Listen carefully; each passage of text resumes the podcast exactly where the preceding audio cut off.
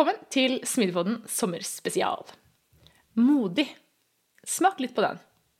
For nå børster vi støv av en skikkelig inspirerende episode.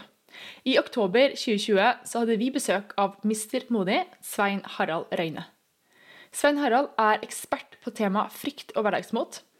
Han har topplederbakgrunn fra bl.a. Nidar Gilde og Altia Corporation. Og han vet en ting eller to om hvordan en skal utvikle en modig kultur, bli en modig leder, og ikke minst hvordan bli en modig medarbeider. For hvilken rolle har det å være modig i å skape økt arbeidsglede? Og hva betyr det egentlig å være modig? Jeg vil også rette en kjempestor takk til våre partnere Sparebank1 Utvikling, Gnist og Capra. Og ikke minst vil jeg også takke alle dere som er med på Buy Me Coffee. Tusen takk for at dere sammen gjør Smidigpodden mulig. Og nå, igjen, velkommen til Mr. Modig, Svein Harald Røyne. Velkommen, rebeller, utfordrere. Dere som driver oss fremover og krever mer. Dere som vil gjøre en forskjell. Skape magiske arbeidsplasser med lykkelige mennesker som skaper produkter som kunden deres elsker. Men 75% av nordmenn føler lite eller ingen engasjement i jobben sin. 94% av ledere sier jo at smidighet og samarbeid er kritiske faktorer for at deres organisasjon skal lykkes. Men kun 6% av dem mener selv at de er smidige. Dette er podden som vil inspirere, gi deg konkrete tips og verktøy som vil hjelpe deg med å skape endringsdyktige organisasjoner med høyt engasjerte og motiverte ansatte som lager uslåelige produkter. Med Ida Kjær og ved sin side har hun Tobias Falkberger. Nå kjører vi! Velkommen, Svein Harald, til podkasten vår. Veldig hyggelig at du ville komme. Tusen hjertelig takk. Veldig hyggelig at jeg får lov å være med. Har du lyst til å starte med å fortelle litt om deg selv? Det kan jeg. Dette er jo en av de tingene som veldig mange eh, sliter med. Det å bare introdusere seg selv. Hvor skal du starte, og hvor skal du eh, slutte? Um, og jeg husker eh, Jeg må nesten nevne første gangen jeg skulle introdusere meg da jeg begynte i min første jobb, så var det en samling i Lilleborg hvor vi var eh, ti nyansatte som begynte samtidig. Så hadde vi da en samling med alle ansatte, og, og jeg var sist i alfabetet. Og når de andre da begynner å introdusere seg, så så begynner jo du å planlegge ikke sant, hva du skal si. Og da tenkte jeg skal jeg fortelle at jeg er født i Haugesund. Eh, det var kanskje å gå litt langt bak i men at jeg kom fra Langesund, følte jeg var viktig. At jeg hadde gått på befalsskolen, det følte jeg var viktig. Og så plutselig så lyttet jeg med det ene øret på de andre som skulle introdusere seg. Og, og har lagt merke til hvor utrolig trygge alle andre virker når de introduserer seg. Ja. Og da ble jeg så nervøs. Jeg ble så kjempenervøs. Eh, men så fortsatte jeg å planlegge, så tenkte jeg jeg må jo fortelle at jeg er siviløkonom og studerte i Edinburgh. Eh, og så var dette i 1994, da skulle jeg gifte meg med Lene. Så da tenkte jeg det må jeg, det må jeg fortelle. Og plutselig så reiste da salgssjefen seg opp. Og så sa han ja, nå har vi fått en ny en i salg. Eh, nå kan han introdusere seg selv. Og idet jeg reiste meg opp da, så fikk jeg helt jernteppe. Oh, altså Alt jeg hadde planlagt, det bare forsvant ut av hodet. Så det eneste jeg klarte å si, var Hei, mitt navn er Svein Harald Røyne. Merk dere navnet. Fantastisk. Så, og det gjorde de, gitt. Så det Ja, jeg har, jeg har, referert til den eh, episoden noen ganger. Men det var min måte å introdusere meg på da. Og, i ettertid så har det blitt så veldig mye mer å ta med i den listen, egentlig. For jeg har jo jobbet i Orkla i mange år. Eh, hvis vi skal snakke om, om jobb. Og og da jobbet jeg, jeg jobbet i stabburet til Lilleborg som markedssjef der, med Nora-porteføljen. Lansert Noras hjemmelagde syltetøy, blant annet. Oi. Eh, og så jobbet jeg i Gilde Norge som marketingdirektør. Og så har jeg jobbet som salgsdirektør i Nidar. Der jobbet jeg i syv år. Og jeg har lansert masse spennende. Nidar Favoritter, blant annet, var jo en av de tingene som vi lanserte i den perioden. Og og så avsluttet jeg eh, min karriere i næringslivet eh, i et vinkonsern som heter Altia Corporation. Som er et finsk vinkonsern som nettopp nå skal fusjonere med Arcus. Det, det var eh, tilsvarende Arcus i Finland. Mm. Så jeg ledet de norske, de norske selskapene. Fem, mm. fem norske selskap. Um, så det ledet jeg før jeg da i 2010 startet for meg selv. Og bestemte meg for at jeg skulle bli en, hva skal vi si, en inspirator, foredragsholder, lederutvikler og coach. Og det har jeg gjort siden da. Så moro. Så har du skrevet bok? Og så har jeg skrevet bok, ja. ja. Ehm, Jeg ga den ut i 2015, en bok som heter 'Modig finn ditt hverdagsmot'. Og det er jeg veldig stolt av. Eh, Og, og mest stolt fordi jeg prokrastinerer så mye. og at jeg i det hele tatt har klart å skrive en bok, er eh, helt utrolig. Men, eh, men det klarte jeg da, og, eh, og den har fått en fantastisk mottagelse og har gjort eh, så stor forskjell i manges liv, basert på de tilbakemeldingene jeg får. Så det, så det gjør meg jo både veldig ydmyk og veldig stolt. Jeg var faktisk og så litt før du kom her, og så at det var jo, i alle fall da jeg kikket, så var det bare femstjerners reviews, så det er jo utrolig, utrolig kult da. Ja, altså ja. Tilbakemeldingen er veldig bra, og, og boken er skrevet veldig annerledes enn andre selvutviklingsbøker. For de fleste selvutviklingsbøker eh, sitter jo forfatteren og snakker til deg. Mm. Forteller deg hva du skal gjøre for de, innenfor de forskjellige områdene. Men, eh, men i boken så er eh, Som leser så er du med flue, som en flue på veggen. Og så er det jeg som tas igjennom en prosess sammen med en inspirator. Som tar meg med på en reise hvor jeg eh, hva skal vi si, tester ut eh, hverdagsmotet mitt i praksis. Og eh, det er en refleksjonsreise i meg selv eh, for å finne ut hva jeg ønsker å drive på med i livet mitt. Og, og for å styrke både selvfølelsen min og selvtilliten min og virkelig bygge et godt fundament, slik at jeg kan møte verden og egentlig alt som kastes imot meg.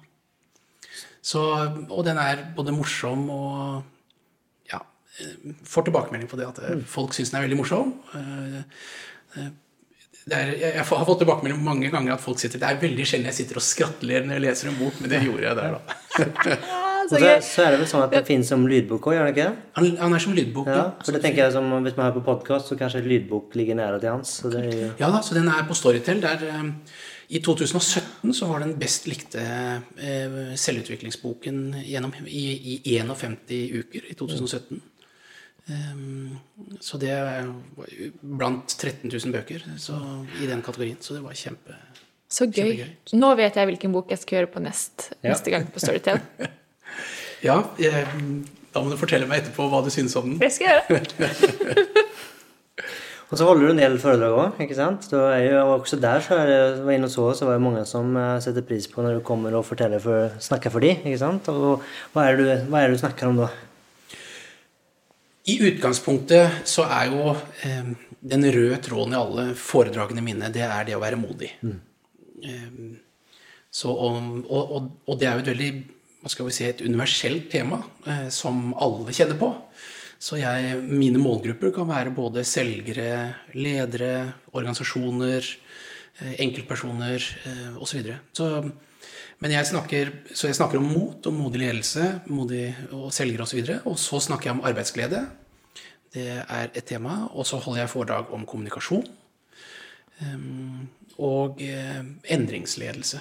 Det er vel eh, hva skal vi si, hovedtemaene som jeg, som jeg holder. Det å være modig, hva, er hva legger du i det? Det å være modig, det dreier seg om å hva skal vi si, trosse en frykt, en, en, en smerte, en trussel, og så gjøre noe likevel. Det er å være modig. Altså du, på tross av at du kjenner på disse fryktene, så gjør du det likevel. Og det er å være modig. Så jeg pleier å si at du kan ikke være modig hvis du ikke er redd. Hvis du ikke kjenner på frykt, så er du ikke modig.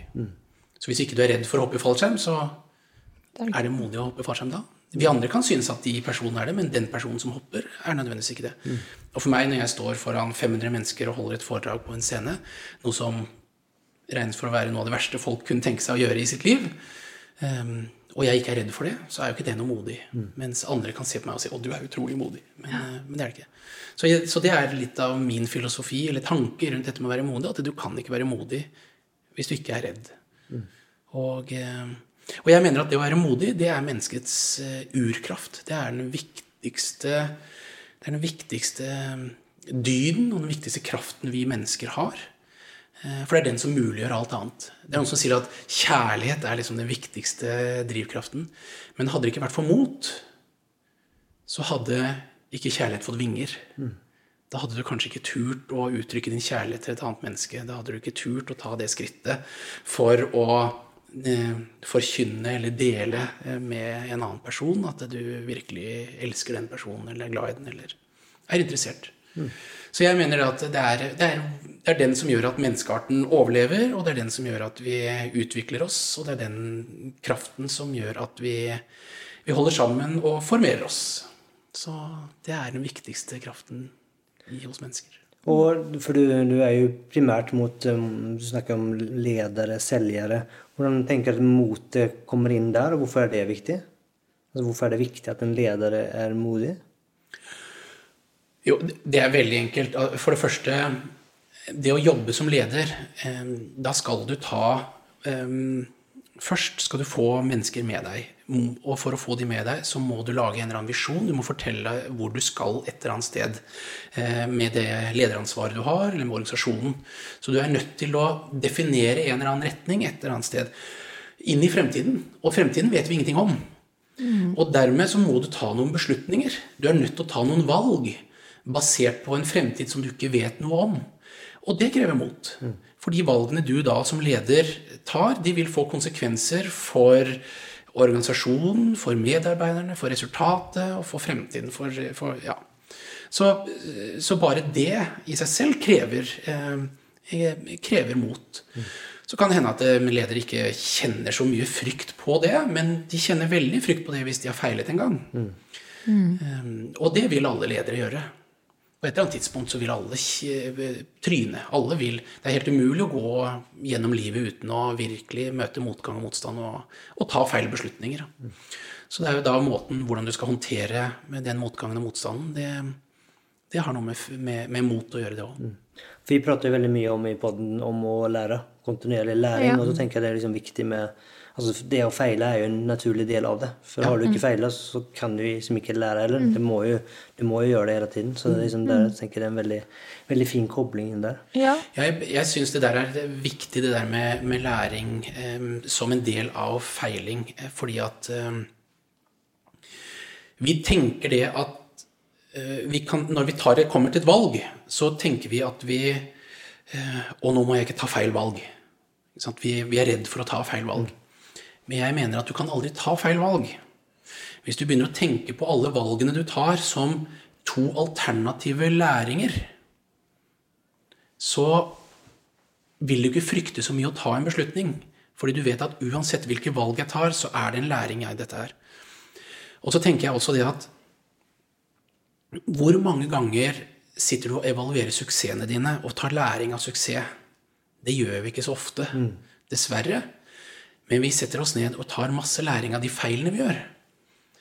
Og ergo så er det å gjøre feil, det er positivt. Og så, kan vi, så skal vi selvfølgelig jobbe for å unngå å ta, gjøre feil. Det er jo derfor vi går på skole, for å eh, lære basisting som ikke vi skal gjenta alle andres feil. Men inn igjen, når vi beveger oss inn i en verden hvor ingen har vært før, en helt ny verden, så er det eh, så, så, så kan vi ikke tenke på at det nå kommer vi til å ta enten et riktig valg eller et feil valg. Vi må tenke at nå har vi to valg, og begge de to vil være veldig lærerike for oss. Så får vi se hvem av de som da gir best avkastning, eller sånn. Det vet vi ikke. Men mm. Det var en veldig fin måte å se det på. Jeg tror jeg kan hjelpe utrolig mange. Se på det som muligheter istedenfor ja. Muligheter til å lære. ja.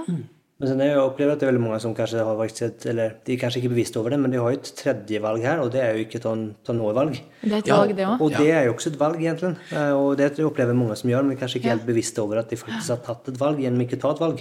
Det er helt korrekt. Og, og det er ofte det eh, som frustrerer de fleste medarbeidere. Eh, med mindre man er veldig tydelig på at nei, nå har vi ikke tatt et valg fordi vi er veldig usikre på fremtiden. Men eh, de fleste som jobber i organisasjonen, forventer jo at det tas valg og tas beslutninger. Og det er jo en lederkvalitet som er viktig. Så, men jeg er he- helt riktig det. Hvis vi ikke tar en beslutning og ikke beslutter noe, så er det et valg i seg selv.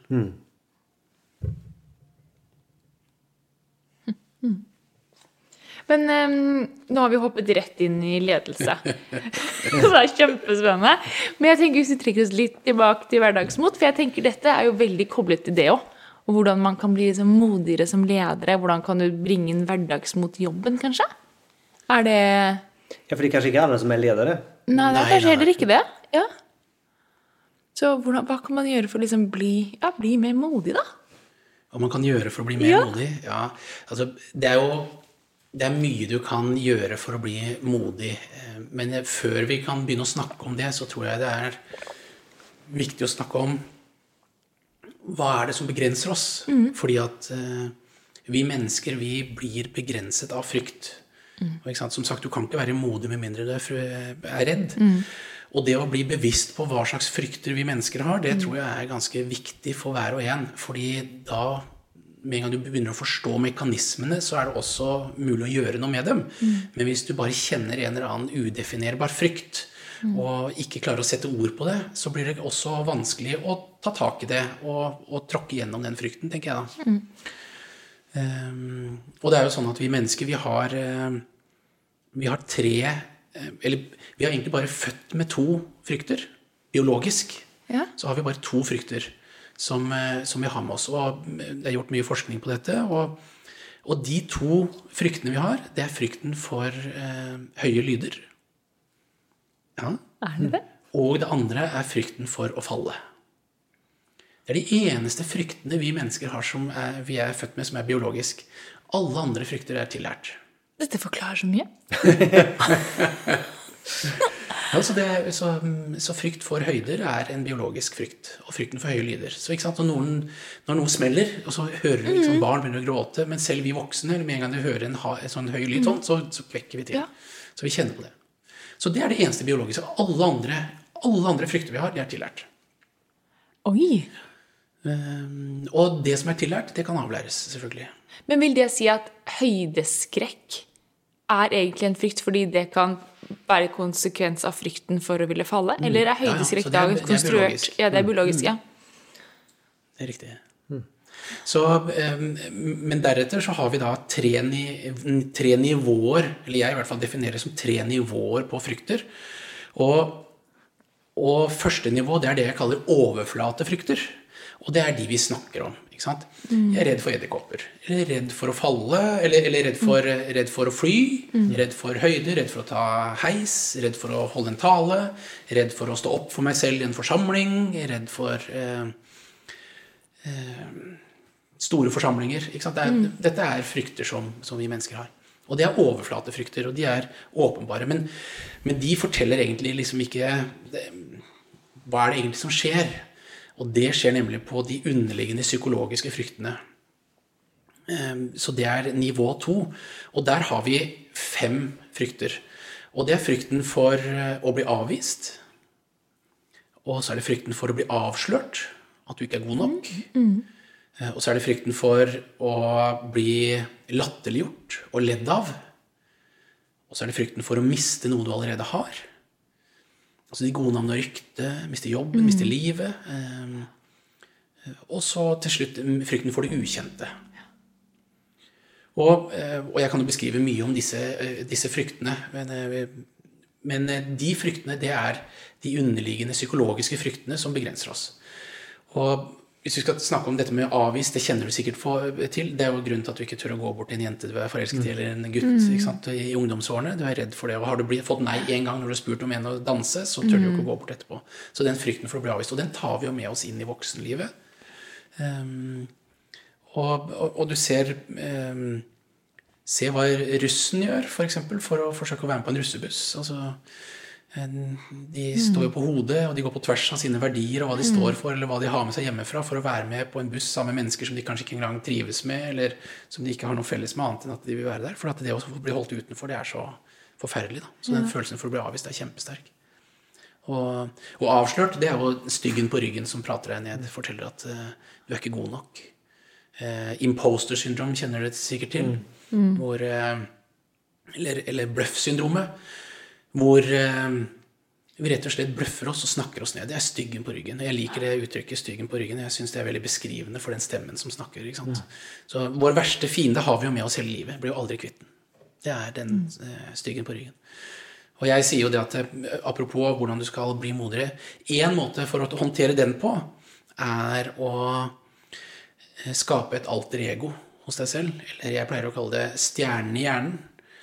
Altså en eller annen, ja. en eller annen, et eller annet alter ego som snakker imot styggen på ryggen. Sånn at det blir en kamp der. ikke sant? Du har den styggen på ryggen, det er tydelig, men, men hvem er det som skal kjempe mot? Hvem er det som skal tale din sak, den positive saken, som virkelig kan fortelle at styggen på ryggen ikke har rett? Og, da, og det å definere en sånn eh, identitet, et alter ego, det mener jeg er en veldig effektivt verktøy. Um, Marit Bjørgen hun, hun, hadde en tiger som sitt alter ego, eller som stjerne i hjernen. Mm. Så hver gang styggen på ryggen satt 'du orker ikke mer, nå tar de andre deg igjen', så var det en tiger. 'Ja, jeg er en tiger, jeg skal klare det'. Og sånn, så den snakket imot, og snakket ned styggen på ryggen, slik at den ble liten. Mm. Og jeg, jeg blir jo omtalt som Mister Modig. Mm. Og for meg så er det nå blitt mitt alter ego. også. når jeg, gjør ting jeg ikke tør, å kjenne frykten komme, så tenker jeg, og styggen på ryggen sier at 'dette må du ikke gjøre', dette, 'du kommer til å drite deg ut', osv. Så, videre. så kommer det en eh, 'ja, men du er jo mister modig, dette takler du, du har gjort det mange ganger før'. Og så, og så gjør jeg det, da. Mm. Så det er en måte for meg å, å takle den, eh, den, frykten der på for å bli avslørt. Men den har vi jo alle sammen. Eh, mm. Om du er kong Salomon eller Jørgen Hattemaker. Jeg, jeg kjørte nå kabriolettur. Jeg har jo selv en sånn på kabriolettur med Røyne, et konsept mm. som jeg har, og som jeg også har som podkast. Og, um, og det hadde jeg med tidligere Google-sjef Jan Grønbæk. Ja. Og, og, han sa det at han kjente på den derre imposter-syndromet og den frykten for å bli avslørt hele tiden. Var inne i forsamlinger, møttes mennesker som kanskje han så opp til, osv. Så, videre, så kjente han plutselig Hva gjør jeg her? Mm. Altså, er jeg god nok til å være sammen med disse menneskene? Og jeg hører dette gang på gang. Så det, så det er en, Den frykten der, den er veldig sterk. Mm.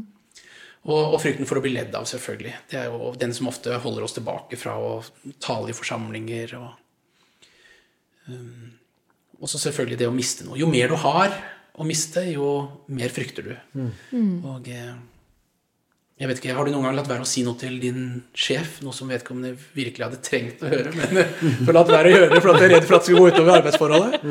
Det er det veldig mange som har gjort. ikke sant? Eller latt være å si noe til en, en, en venn, noe som vedkommende mm. virkelig hadde trengt eller fortjent å høre, men så har du latt være å gjøre det for at du er redd for å gå utover eh, mm. forholdet.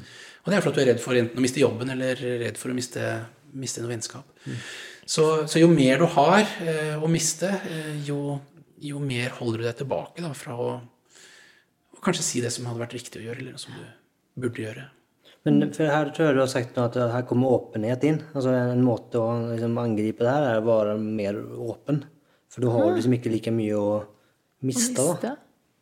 Ja, jeg, for det, det, er liksom det neste steget. Ja. Um, og jeg, jeg, tenkte jeg eh, Hvis jeg kan komme tilbake til den. fordi ja, ja. at, for nå, nå, har dere fått to spørsmål som jeg egentlig ber dere om å komme tilbake til. Fordi jeg tenkte jeg kunne, eh, kunne liksom fortelle om tredje nivå på frykt før vi gjør det. Mm. Gjør det. For at det ligger helt i bunnen under alle disse fryktene her. Eh, så kan man stille seg spørsmålet hvor har vi fått disse fryktene fra? Mm.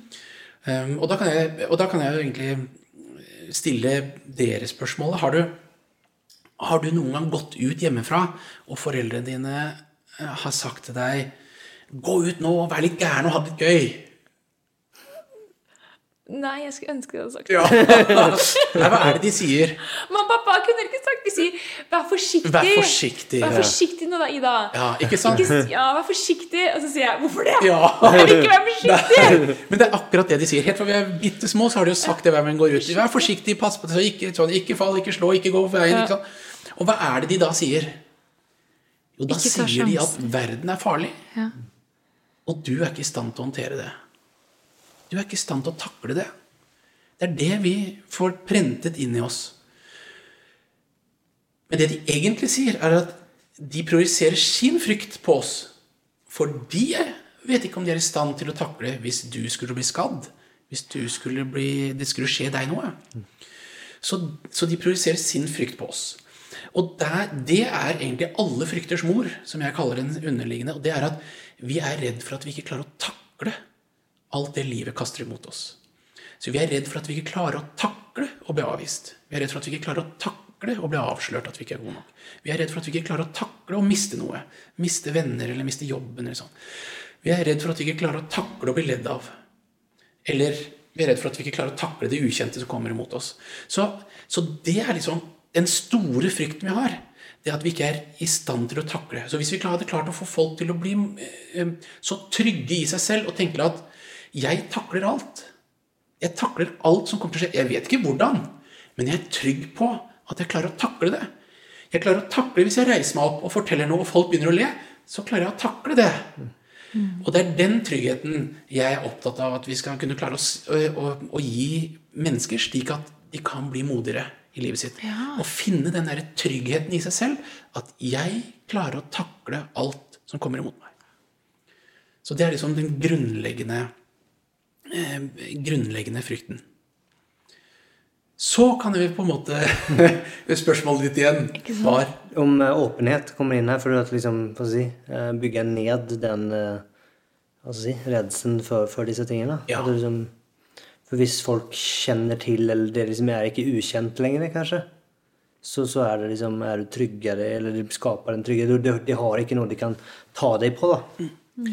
Det, det, er helt riktig, og det er en av de hva skal vi si, grunnpilarene som jeg snakker om for å bygge denne tryggheten. Mm. Det er flere ben der eh, på, av disse pilarer, eller flere pilarer, men en av de er dette med sårbarhet. Du kalte det åpenhet. Mm. Um, og det, åpenheten legger jeg ofte inn under verdier. Mm. Og så snakker jeg om sårbarhet. Um, og, og er det én ting vi mennesker gjør, det er jo å forsøke å ikke havne i en situasjon hvor vi blir sårbare. Eh, men jeg, jeg, mener det La oss si hvis en person har eh, ikke kommet ut av skapet med sin legning, og vi har hørt gang på gang på gang eh, at de som endelig har turt å komme ut av skapet, sier at det er utrolig befriende. Men før de kom ut av skapet, og noen antydet at de var da homofile eller lesbiske, så stakk de i dem, for de hadde ikke turt å dele det med omverdenen. Mm. Og da var det sårt og vanskelig. Men med en gang de har sagt at ja, men dette er min legning, og noen da liksom ah, du da din, ja, men dette har jeg jo fortalt, det er jo ikke noe hemmelighet. Mm. Ergo så med en gang du tør å være da åpen mm. og gjøre deg sårbar, eh, så blir du på en måte usårbar, mm. tenker jeg. Mm. Så det å gjøre seg sårbar, det gjør deg usårbar. Mm. Ehm, det er litt av min mantra. Og jeg mener jo at vi mennesker, at vi alle sammen burde komme ut av skapet på en eller annen måte. Ikke nødvendigvis legning, men at vi har noe som vi forsøker å såre, skjule, som vi syns er sårbart. Men så tør vi ikke å gjøre det. Men det å tørre å gjøre det og bare si ja, men sånn er det, sånn er jeg. Take it or leave it. Det er meg. Ja, da blir du jo mye friere i livet ditt. Mm. Og da styrker du grunnfjellet. Jeg har liksom ikke noe å tape lenger. Um, på at folk vet det. Det er, det er bare sånn jeg er. Så jeg mener at det å gjøre seg sårbar og gjøre, være åpen om det som kanskje er noe sårbart ved deg, det gjør deg sterk. Det gjør deg supersterk. Mm. Men jeg tenker bare mm, Er det en eh, kanskje en tradisjon, kanskje ikke riktig begrep, men liksom at det er en historikk av at ledere skal være veldig ikke-sårbare. Og at man tenker liksom Fra gammelt av så var du typisk leder, for du var den som var best på faget ditt. Så du var liksom, hele karrieren din var kanskje bygget på at du var best og kunne det best.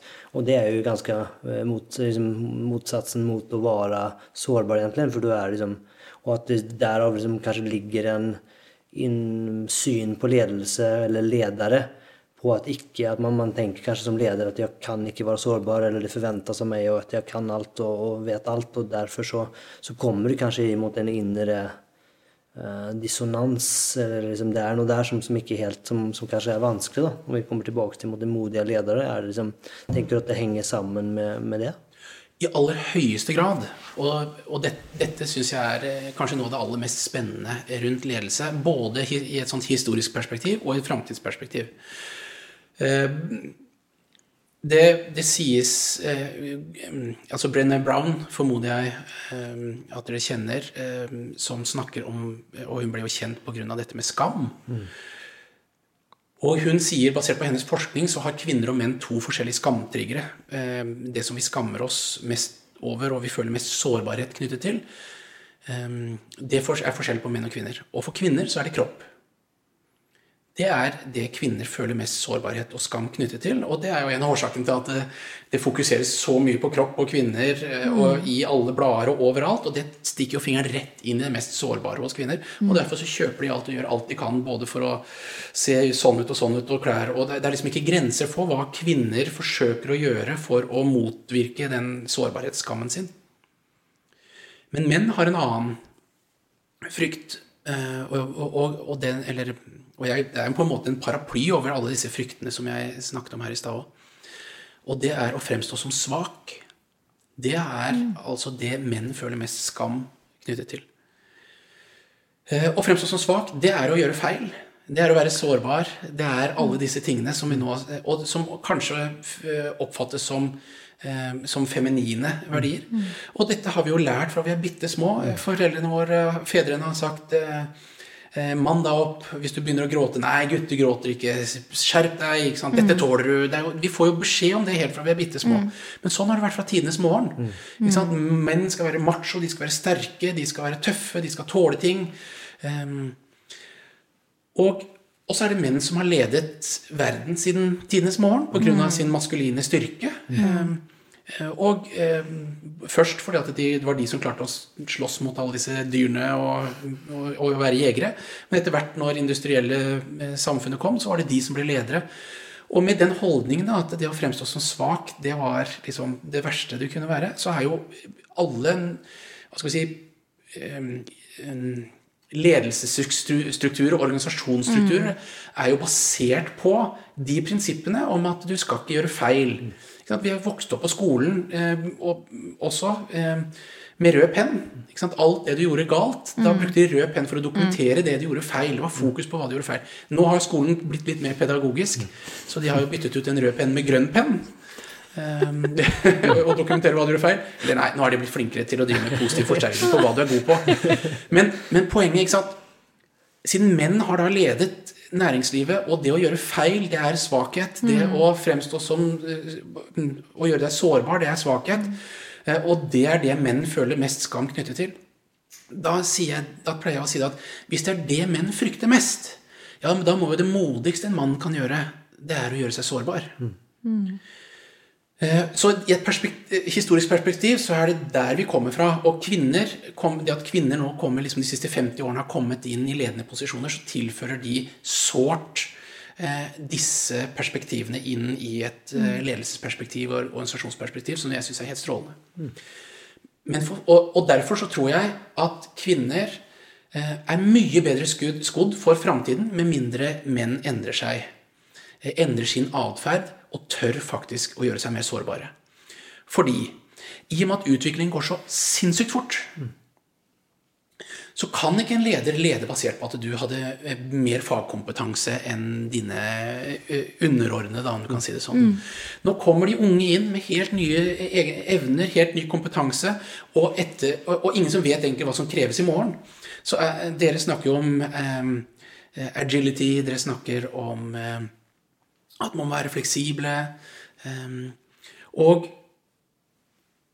den evnen har du ikke hvis du hele tiden ikke tør å gjøre deg sårbar. Så vil du ikke klare å evne det.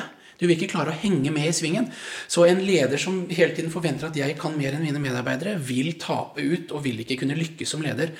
Og det å gi fra seg eh, makt og myndighet og gi eh, autonomi til medarbeidere eh, Hvis ikke du gjør det, så kommer du faktisk til å bli obsolit. eh, Overflødig som leder, fordi du klarer ikke å henge med i fremtiden. Og, og det mange menn gjør, da, deres svar på at de ikke har kontroll, det er at de blir mer autoritære. Mm. Det er for å vise at de har kontroll og makt. Og da blir jo konflikten enda større i en organisasjon. Så det er Derfor så krever det utrolig mye mot da for eh, ledere å gi slipp og gi autonomi. Og, og jeg synes dette bildet som Bjarte Buksnes eh, driver eh, Jeg vet ikke om dere kjenner han? Ja, Syns jeg er helt strålende, dette med, eh, med trafikklys Ja, og, og rundkjøring, Ja. ja. Syns jeg er et utrolig godt bilde ikke sant, på hvordan en organisasjon eh, må, må bli for fremtiden for å kunne klare å henge med i de, de enormt raske endringene. Og, og det, jeg syns det er interessant, for at nå kommer vi tilbake litt til sånn teori som man hadde før i tiden. For da jeg, da jeg startet min lederkarriere, da var det en som het Kenning. Jeg vet ikke om dere kjenner Kenning, men han var den ledende eh, hva skal vi si, ledelsesteoretikeren eh, som bl.a. Aker-systemet brukte, og Orkla-systemet brukte. Og han sa det at en god leder kan lede alt. Og fagkompetanse er ikke en ledelseskompetanse. Det var hans filosofi. Og dette ble på 90-tallet og inn i 2000 det, eh, Da ble det veldig mye fikk, Møtte den tanken mye motstand, og sa at jo, fagkompetanse er helt avgjørende for å kunne bli en god leder. Um, og derfor så forsvant Kenning litt ut. Men nå ser vi pga. at endringene går så fort, så kan faktisk ikke du som leder være den ledende på fag. Så du må støtte deg på andre evner.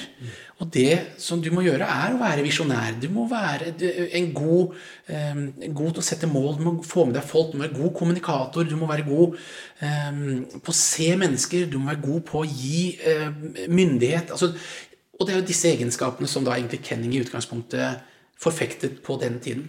Så på mange måter så kan du si at jeg tror han får en liten renessanse.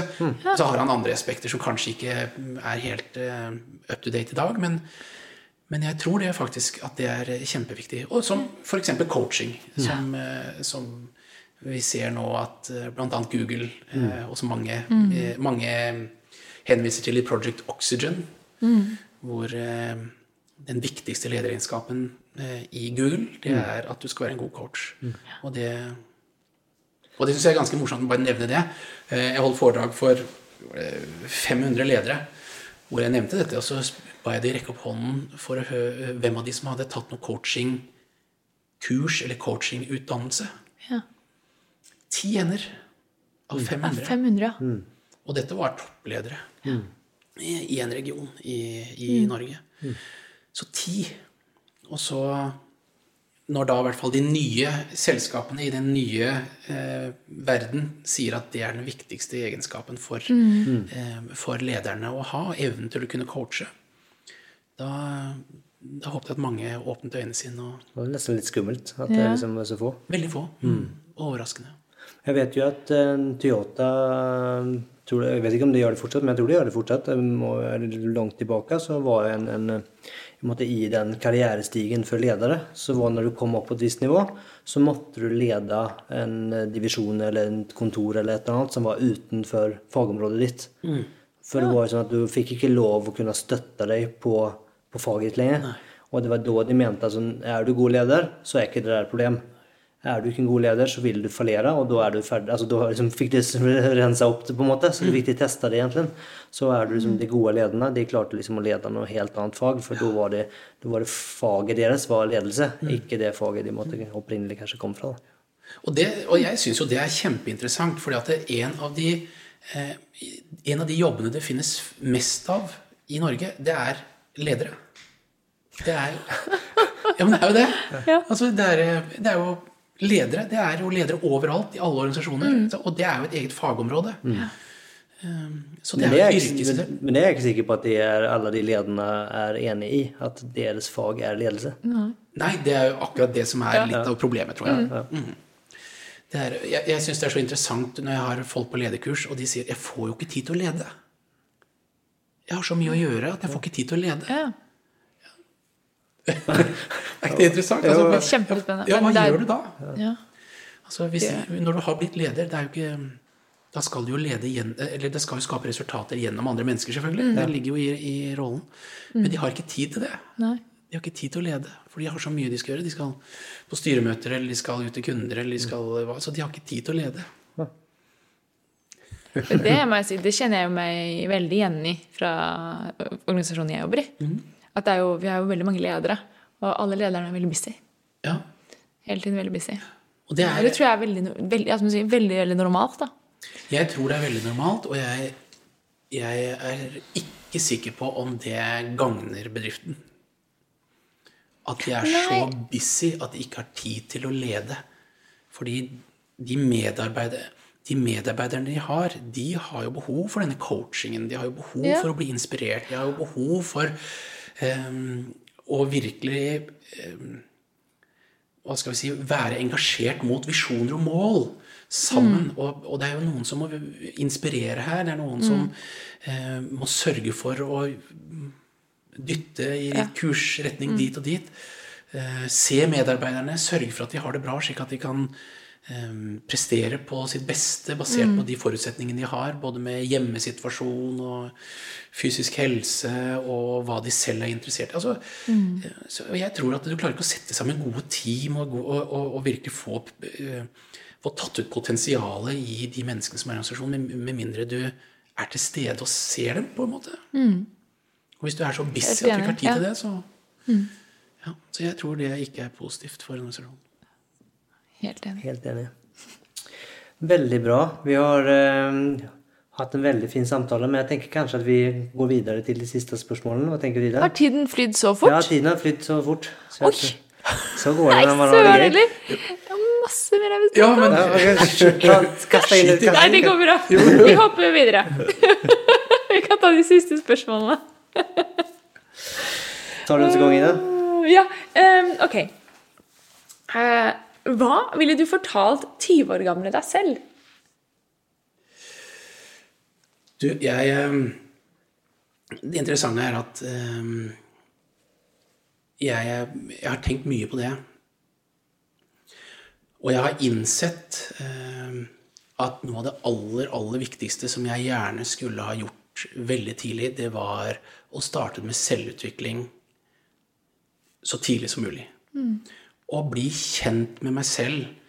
Eh, forstå verdiene mine, forstå hva som er eh, eh, Ja, rett og slett mine styrker og svakheter.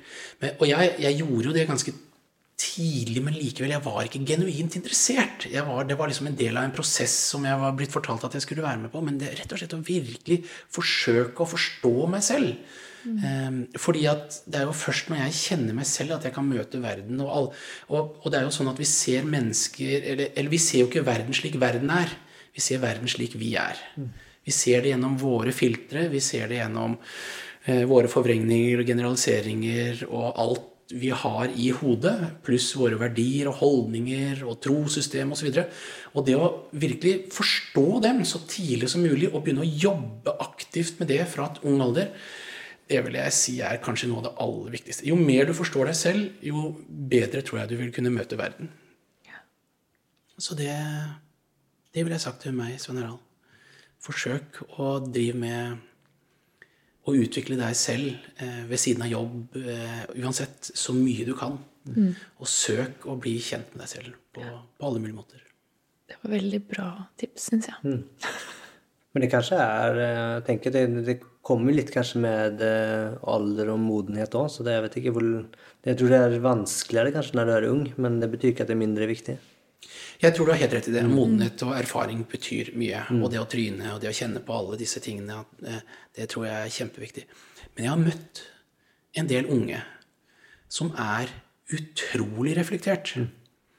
Som Ja, som virkelig du, du føler de kanskje de er, om de er 20 år, så er de 35, mm. føles som de er 35. Mm. Hvor de virkelig har reflektert over livet, hvor de kan virkelig spare med deg. Og, de, og, og, det, det, og, det, er jo så fantastisk å møte sånne personer. Og jeg må si det at um, begge mine barn har uh, brukt mye tid på dette. De har vært på selvutviklingskurs, eh, Silva-metoden. eh, fra de var barn. Og det har gjort dem begge to så utrolig reflektert. Og jeg lærer så utrolig mye av dem. Mm. Eh, for, fordi de klarer å sette ting i perspektiv, og de kjenner seg selv, og de er virkelig opptatt av det. Så nei, jeg, jeg, jeg, har møtt, Og de er bare et eksempel, men jeg har møtt andre da, også utenfor som Så jeg tror du kan um, du kan fremskynde modningsprosessen mm. ganske dramatisk hvis du er bevisst og har et genuint ønske om å, uh, å gjøre det. Mm. Og der ligger jo nysgjerrighet, da. Mm. Så, så, det er vel kanskje også det andre jeg ville si, og det er vær nysgjerrig. Um, og jeg har et eksempel på det å ikke være nysgjerrig. Um, og dette kommer egentlig um, Det er også, også en lederegenskap, mener jeg kanskje er noe av de viktigste lederegenskapene, å være nysgjerrig. Jeg hadde Da sønnen min var Det er jo seks år siden nå. Seks-syv år siden. Nei, enda mer, kanskje. Uh, så sønnen min han uh, ble ertet og utestengt fra kompisgjengen. Og det var en av grunnene til at han begynte med data. Han satt jo i sin egen lille verden og holdt på med data, og det bekymret jo oss foreldre.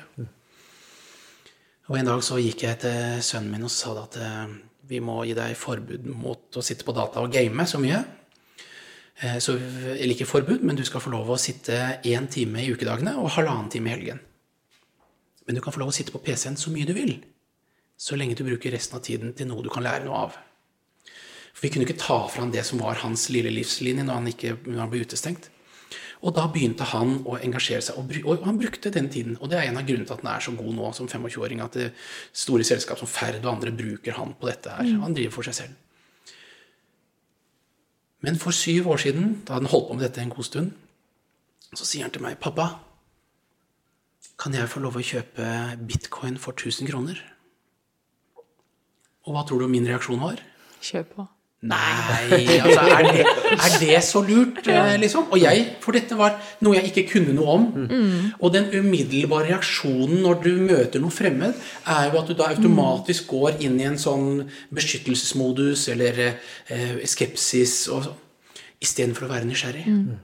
Jeg skylder sønnen min 20 mill., jeg. Hadde han investert de 1000 kronene Ikke i dag, så er det ikke 20, da. 11,5 mill. Hadde han investert det, så hadde han hatt 11,5 millioner kroner. Fordi jeg sa nei. For han har alltid sett opp til meg. Og, og var et forbilde som foreldre. Og, så jeg var ikke nysgjerrig.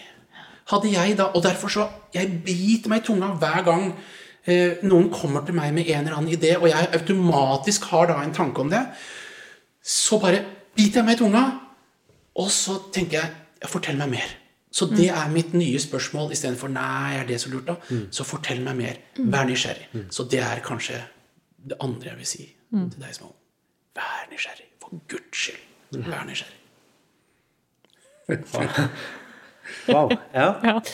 Supert. Eh, jeg blir nesten litt rørt av historien. Det var veldig, veldig spennende. Veldig fin, fin eh, historie. Eh, hva mener du kjennetegner en god leder? Og det er eh, Vi har jo vært inne på det eh, tidligere. Jeg eh, Først og fremst så mener jeg at en god leder må være modig. Og så en god leder må være visjonær.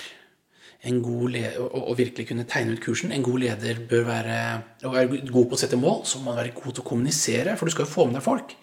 Så, og det er jo oppgaven til en leder å få med seg folk. Uten å få med deg folk, så, så klarer du ikke å skape de resultatene. Eh, eh, og så er det kjempeviktig for en leder å kunne bry seg om eh, andre mennesker. Være genuint interessert i andre mennesker. Og, og dermed også god til å gi anerkjennelse. Og gi ros, for det er en kjempeviktig egenskap. Og jeg, må, jeg stiller nemlig dette spørsmålet her på mine lederkurs. Og det syns jeg er veldig festlig. Og det er én ting som jeg tror det, av, La oss si av 100 kurs, så er det ett kurs hvor eh, de har svart eh, det jeg mener er en utrolig viktig lederegenskap. Som jeg nå har nevnt. da. Ingen av de andre kursene har gjort det. Og det er god til å rose. Det, det kommer ikke intuitivt opp. På av 99 av 100 kurs, når jeg spør hva er gode lederegenskaper, så kommer ikke det å gi ros og anerkjennelse opp. Da kommer alle disse andre tingene som jeg har blant annet Så rart. Alle ønsker seg jo ros og anerkjennelse. Nettopp. Men likevel så kommer det ikke. Og vi nordmenn er elendige på å gi ros. Og vi er jo også elendige til å ta imot ros. Mm. Det, er, det, det, er, det er noen som sier det at sies om nordmenn at når en nordmann roser en annen nordmann, så er det uvisst hvem som har det verst.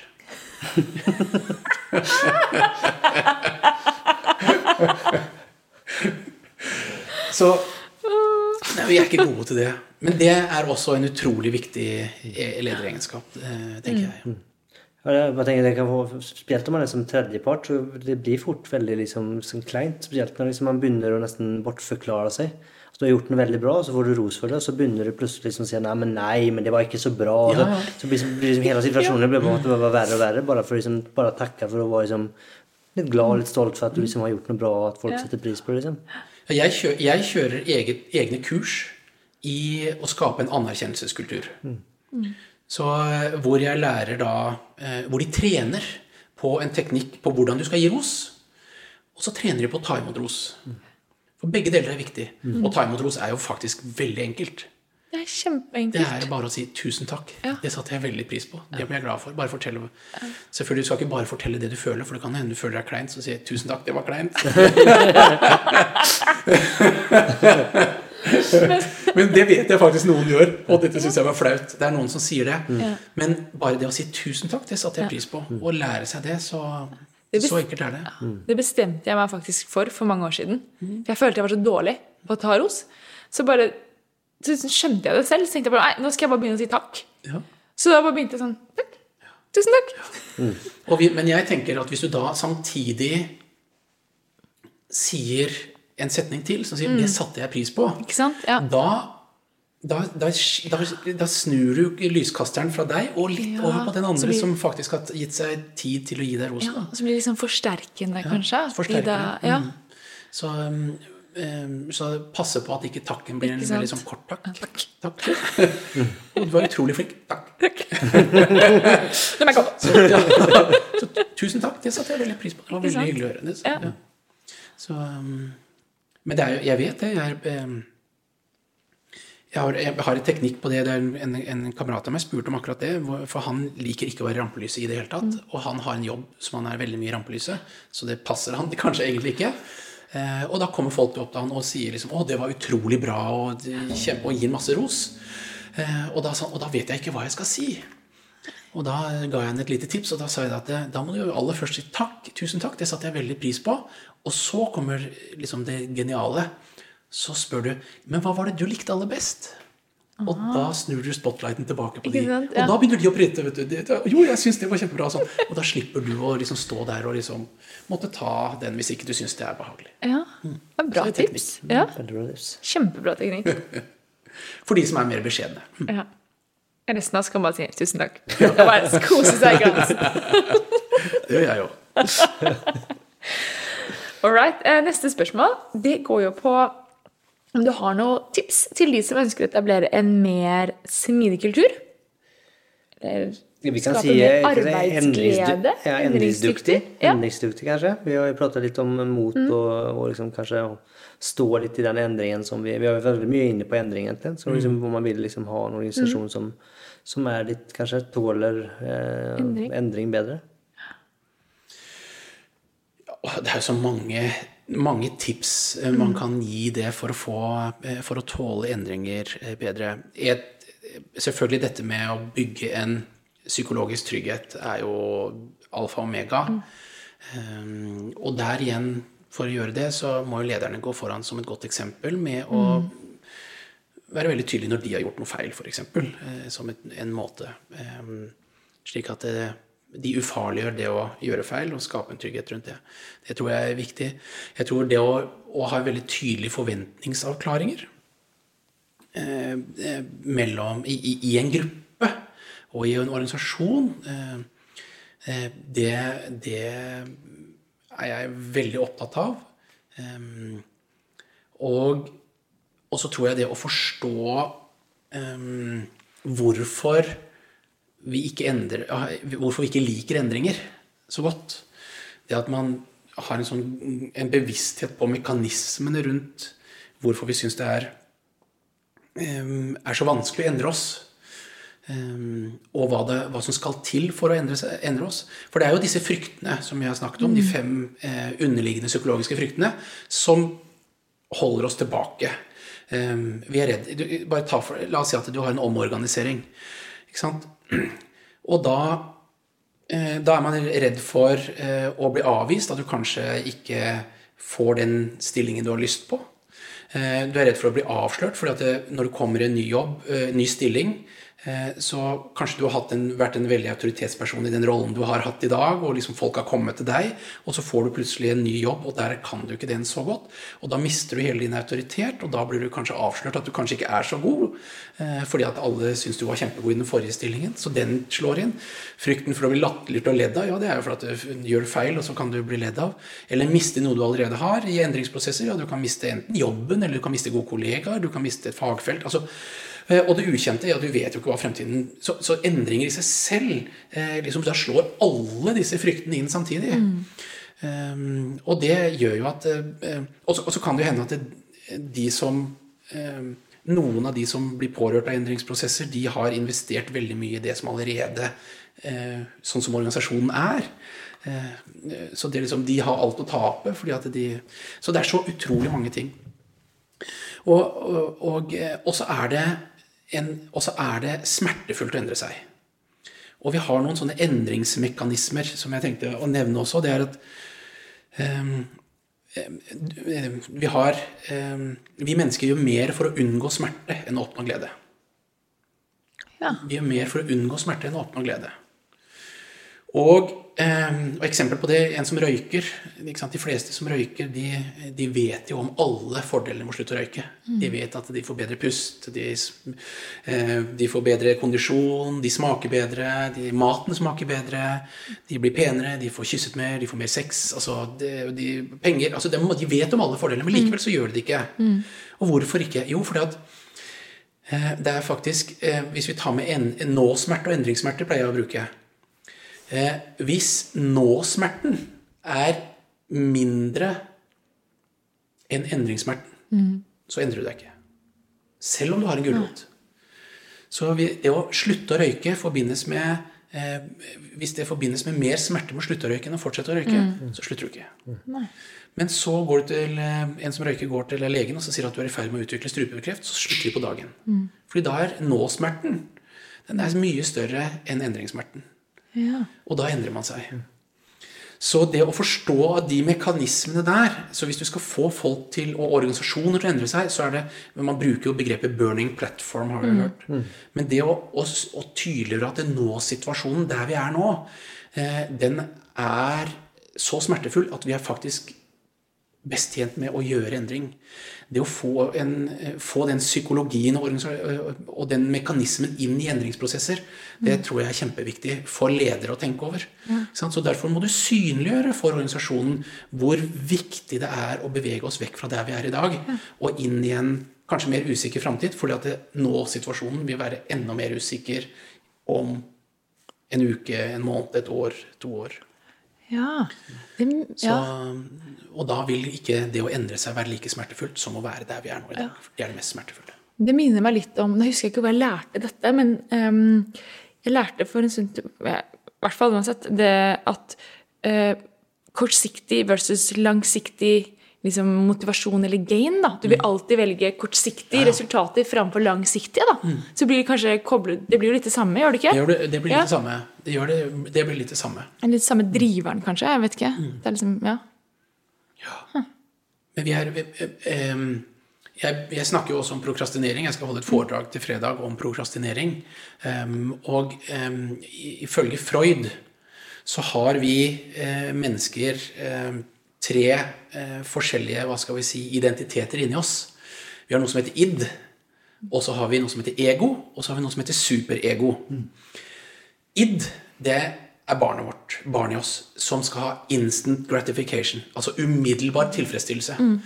Eh, og det er den sterkeste kraften i oss. Um, og så har vi um, ego. Det er den rasjonelle.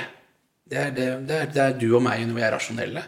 Og så har vi superego. Det er den som kjemper mot idden, som, som sier nei, du får ikke, du får ikke. fordi at det, altså Jeg har lyst på sjokolade. Ja, men du er på slankekur. Og så sier da ego i midten at ok, men la oss, du kan få sjokolade til lørdag. ikke sant? Ja, ta én bit. Ja, du kan ta én bit. ikke sant? Der har du. Og den, dette er kampen inni oss mennesker.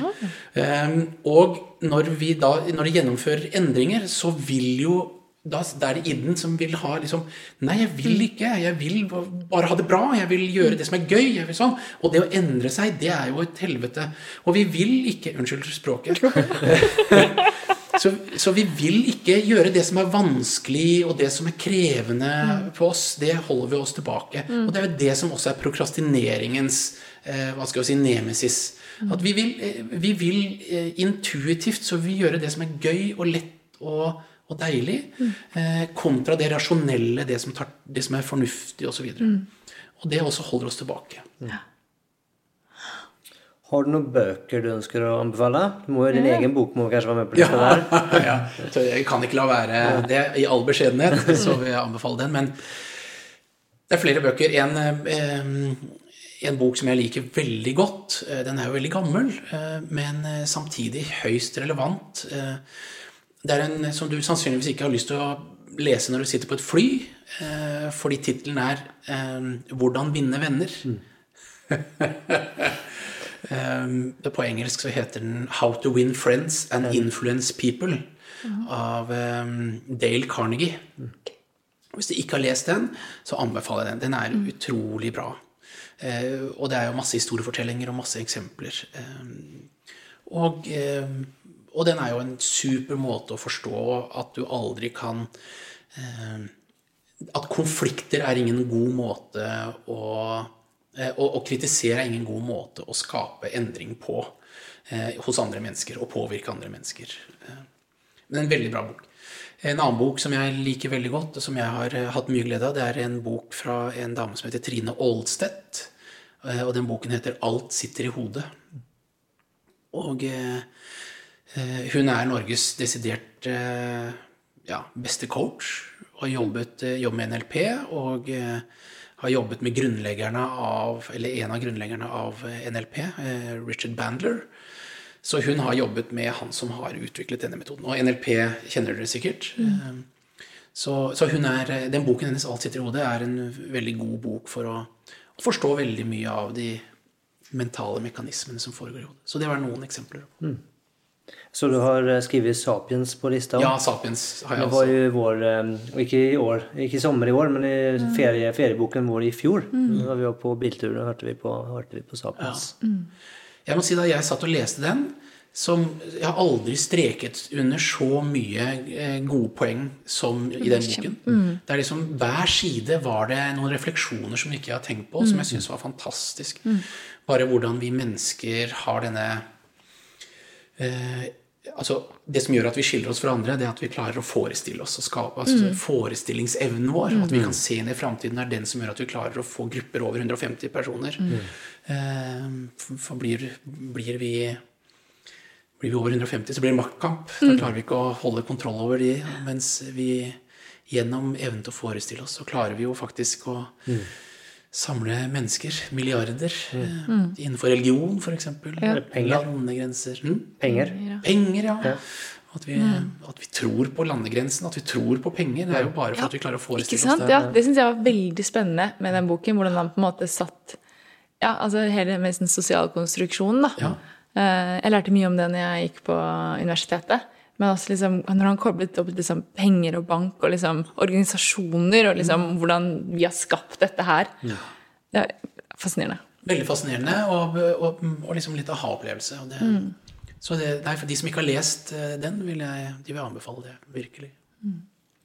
Supert. Yes. Men hvis man har lyst til å komme i kontakt med deg, da? Hva gjør man da? Da kan du sende meg mail, selvfølgelig. Ja. Hvis du har lyst til det, så kan du sende meg mail på initialene mine SHR. Alfakrøll mrmodig.no. mrmodig.no. Det var en fint å mene.